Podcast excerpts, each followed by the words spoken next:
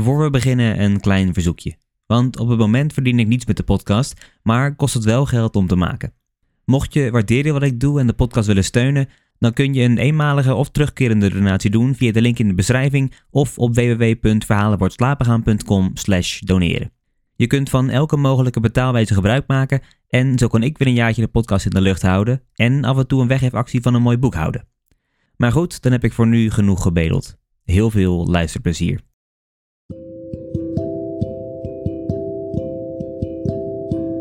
Hallo allemaal en welkom. Mijn naam is Mike en in deze aflevering lees ik voor uit De Onbevlekte van Erwin Mortier. Dit is Verhalen voor het slapen gaan.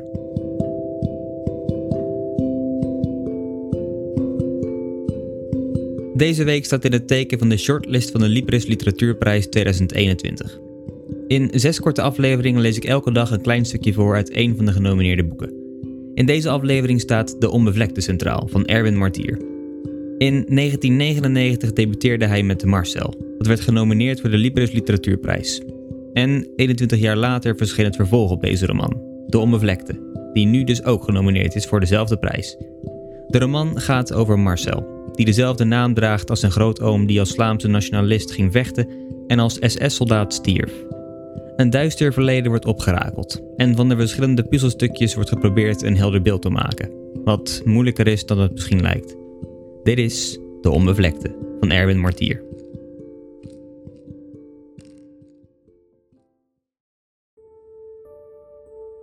De Onbevlekte. Hoofdstuk 1.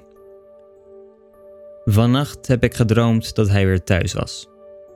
Ik stond in de achterkeuken aan het fornuis. Op de pot met aardappelen danste het deksel. De kat loerde naar het spek op het aanrecht. Rond mijn kuiten jengelden mijn dochters, nijdig van de honger. Ik hoorde hem bij de achterdeur de aarde uit de zolen van zijn schoeisel trappen, het gestam van een kalf dat de kracht in zijn poten beproeft.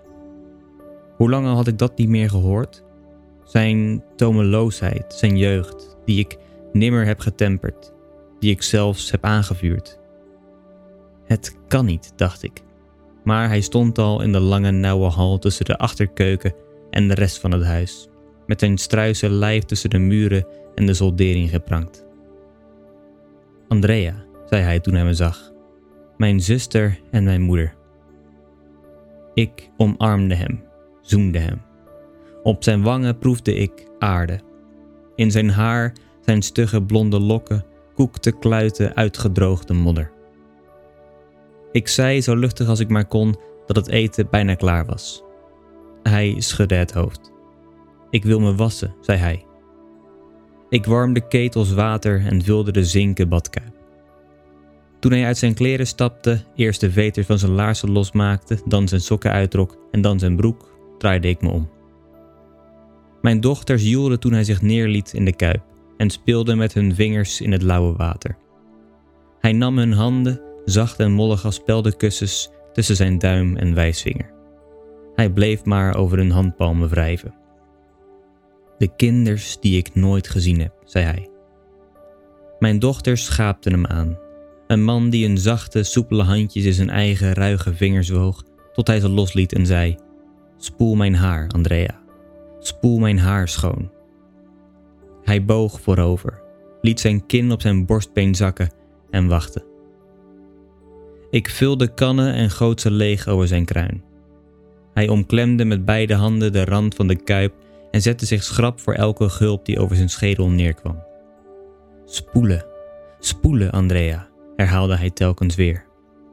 Het klonk als een bede om vergeving of verlossing, een roep om een reiniging die dieper moest gaan dan zijn huid, zijn haarwortels, zijn poriën. Spoel me schoon, spoel me schoon, zei hij nogmaals en nogmaals.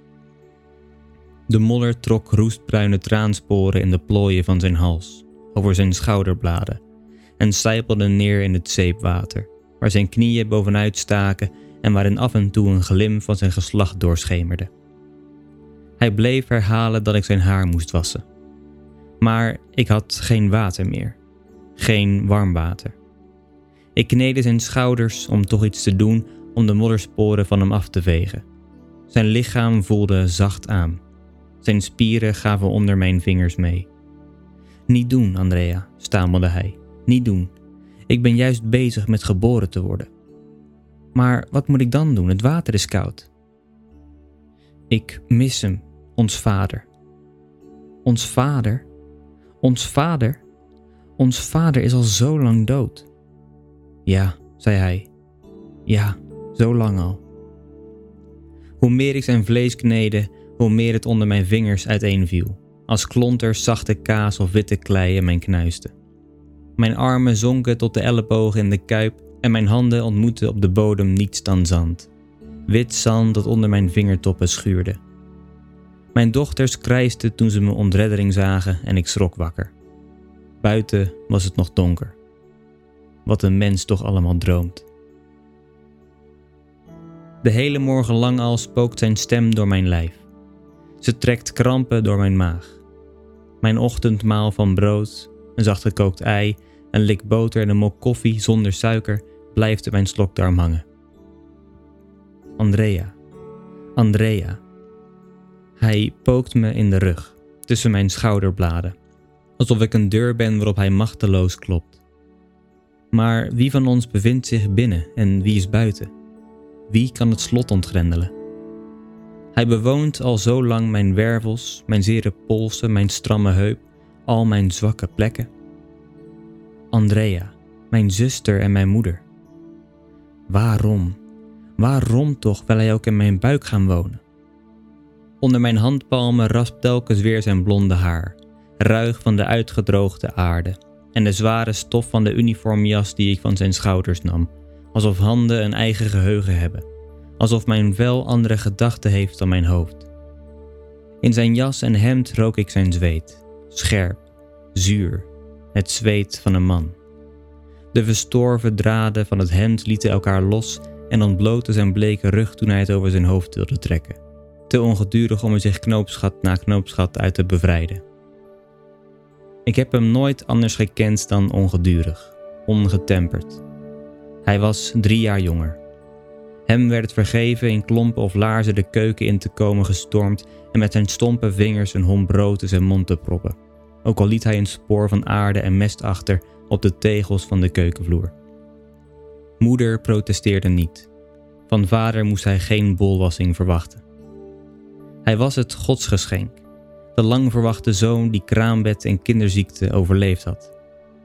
En ik? En ik? Ik was de vergissing, de gemiste kans, de dochter die een zoon had moeten zijn. Andrea, zei moeder geregeld, dat wil zeggen sterk als een vent. Ze zei het in de uren der schemering, in het onbestemde. Om de paar dagen maakte ze me vroeg in de morgen wakker. In de winter was het nog donker. Zomers hing de zonsopgang als een belofte of een onheil boven de daken. Ze nam me mee naar de melkkelder. Daar rustte de melk in hoge vaten, omspoeld door koud water, om op te romen.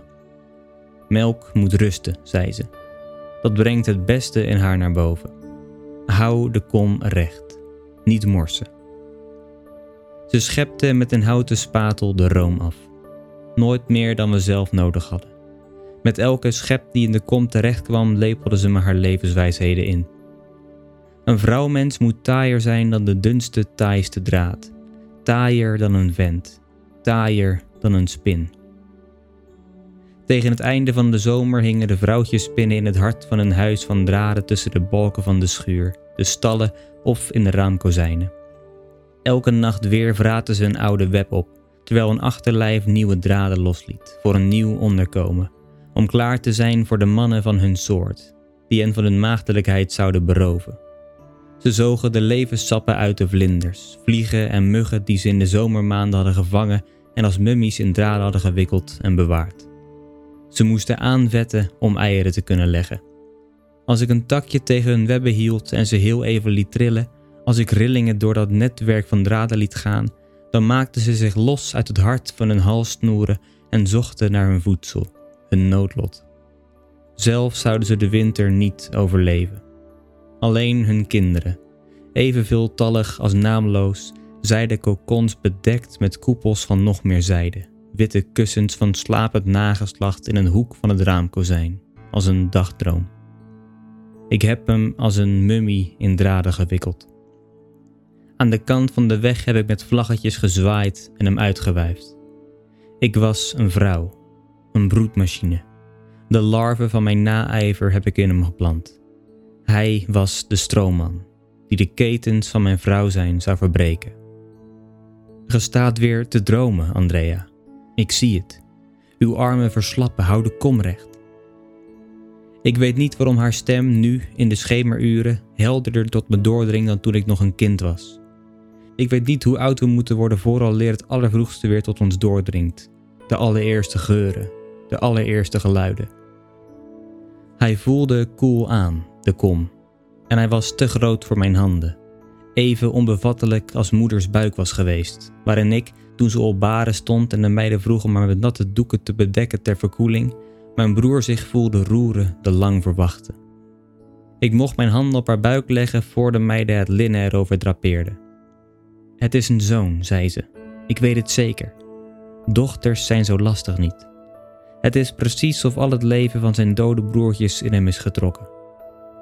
Hij trapte haar in de nieren, keerde zich om en om onder de strak gespannen huid van haar moeder terwijl hij in haar bekken neerdaalde en zij een kussen tegen haar rug trok om de pijn te verzachten. Onder haar nachtkleed klotste overvol en blauw dooraderd haar borsten, haar tepels even bruin als een beurzenplek in een overrijpe appel. Ze kroop niet weg voor mij.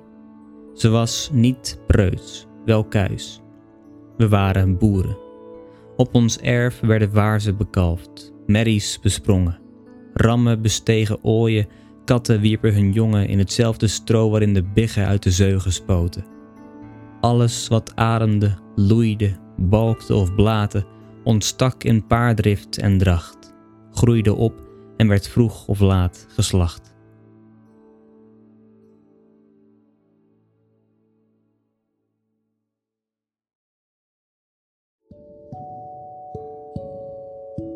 Dat waren de eerste paar pagina's van De Onbevlekte. We hebben kennis gemaakt met Andrea en een klein beetje met Marcel. De man in Andrea's droom en in de buik van Andrea's moeder in de flashback. In de rest van de roman duiken we dieper het verleden in en verkennen we onze relatie met het verleden waaraan we niet kunnen ontkomen. Ik wil uitgeverij De Bezige Bij heel erg bedanken voor de toestemming om er een stukje uit voor te lezen. En mocht je nou geïnteresseerd zijn in de roman, dan is hij te bestellen bij je favoriete boekhandel of op de site van De Bezige Bij. Voor ik afsluit nog één dingetje. Het luisteren van de podcast is gratis, maar het maken is dat niet. Natuurlijk vind ik het hartstikke leuk om te doen, maar mocht je bij willen dragen aan de verbetering van zowel de inhoud als de kwaliteit van de podcast, dan kan dat via PayPal of Kofi. De link daarvoor staat in de beschrijving.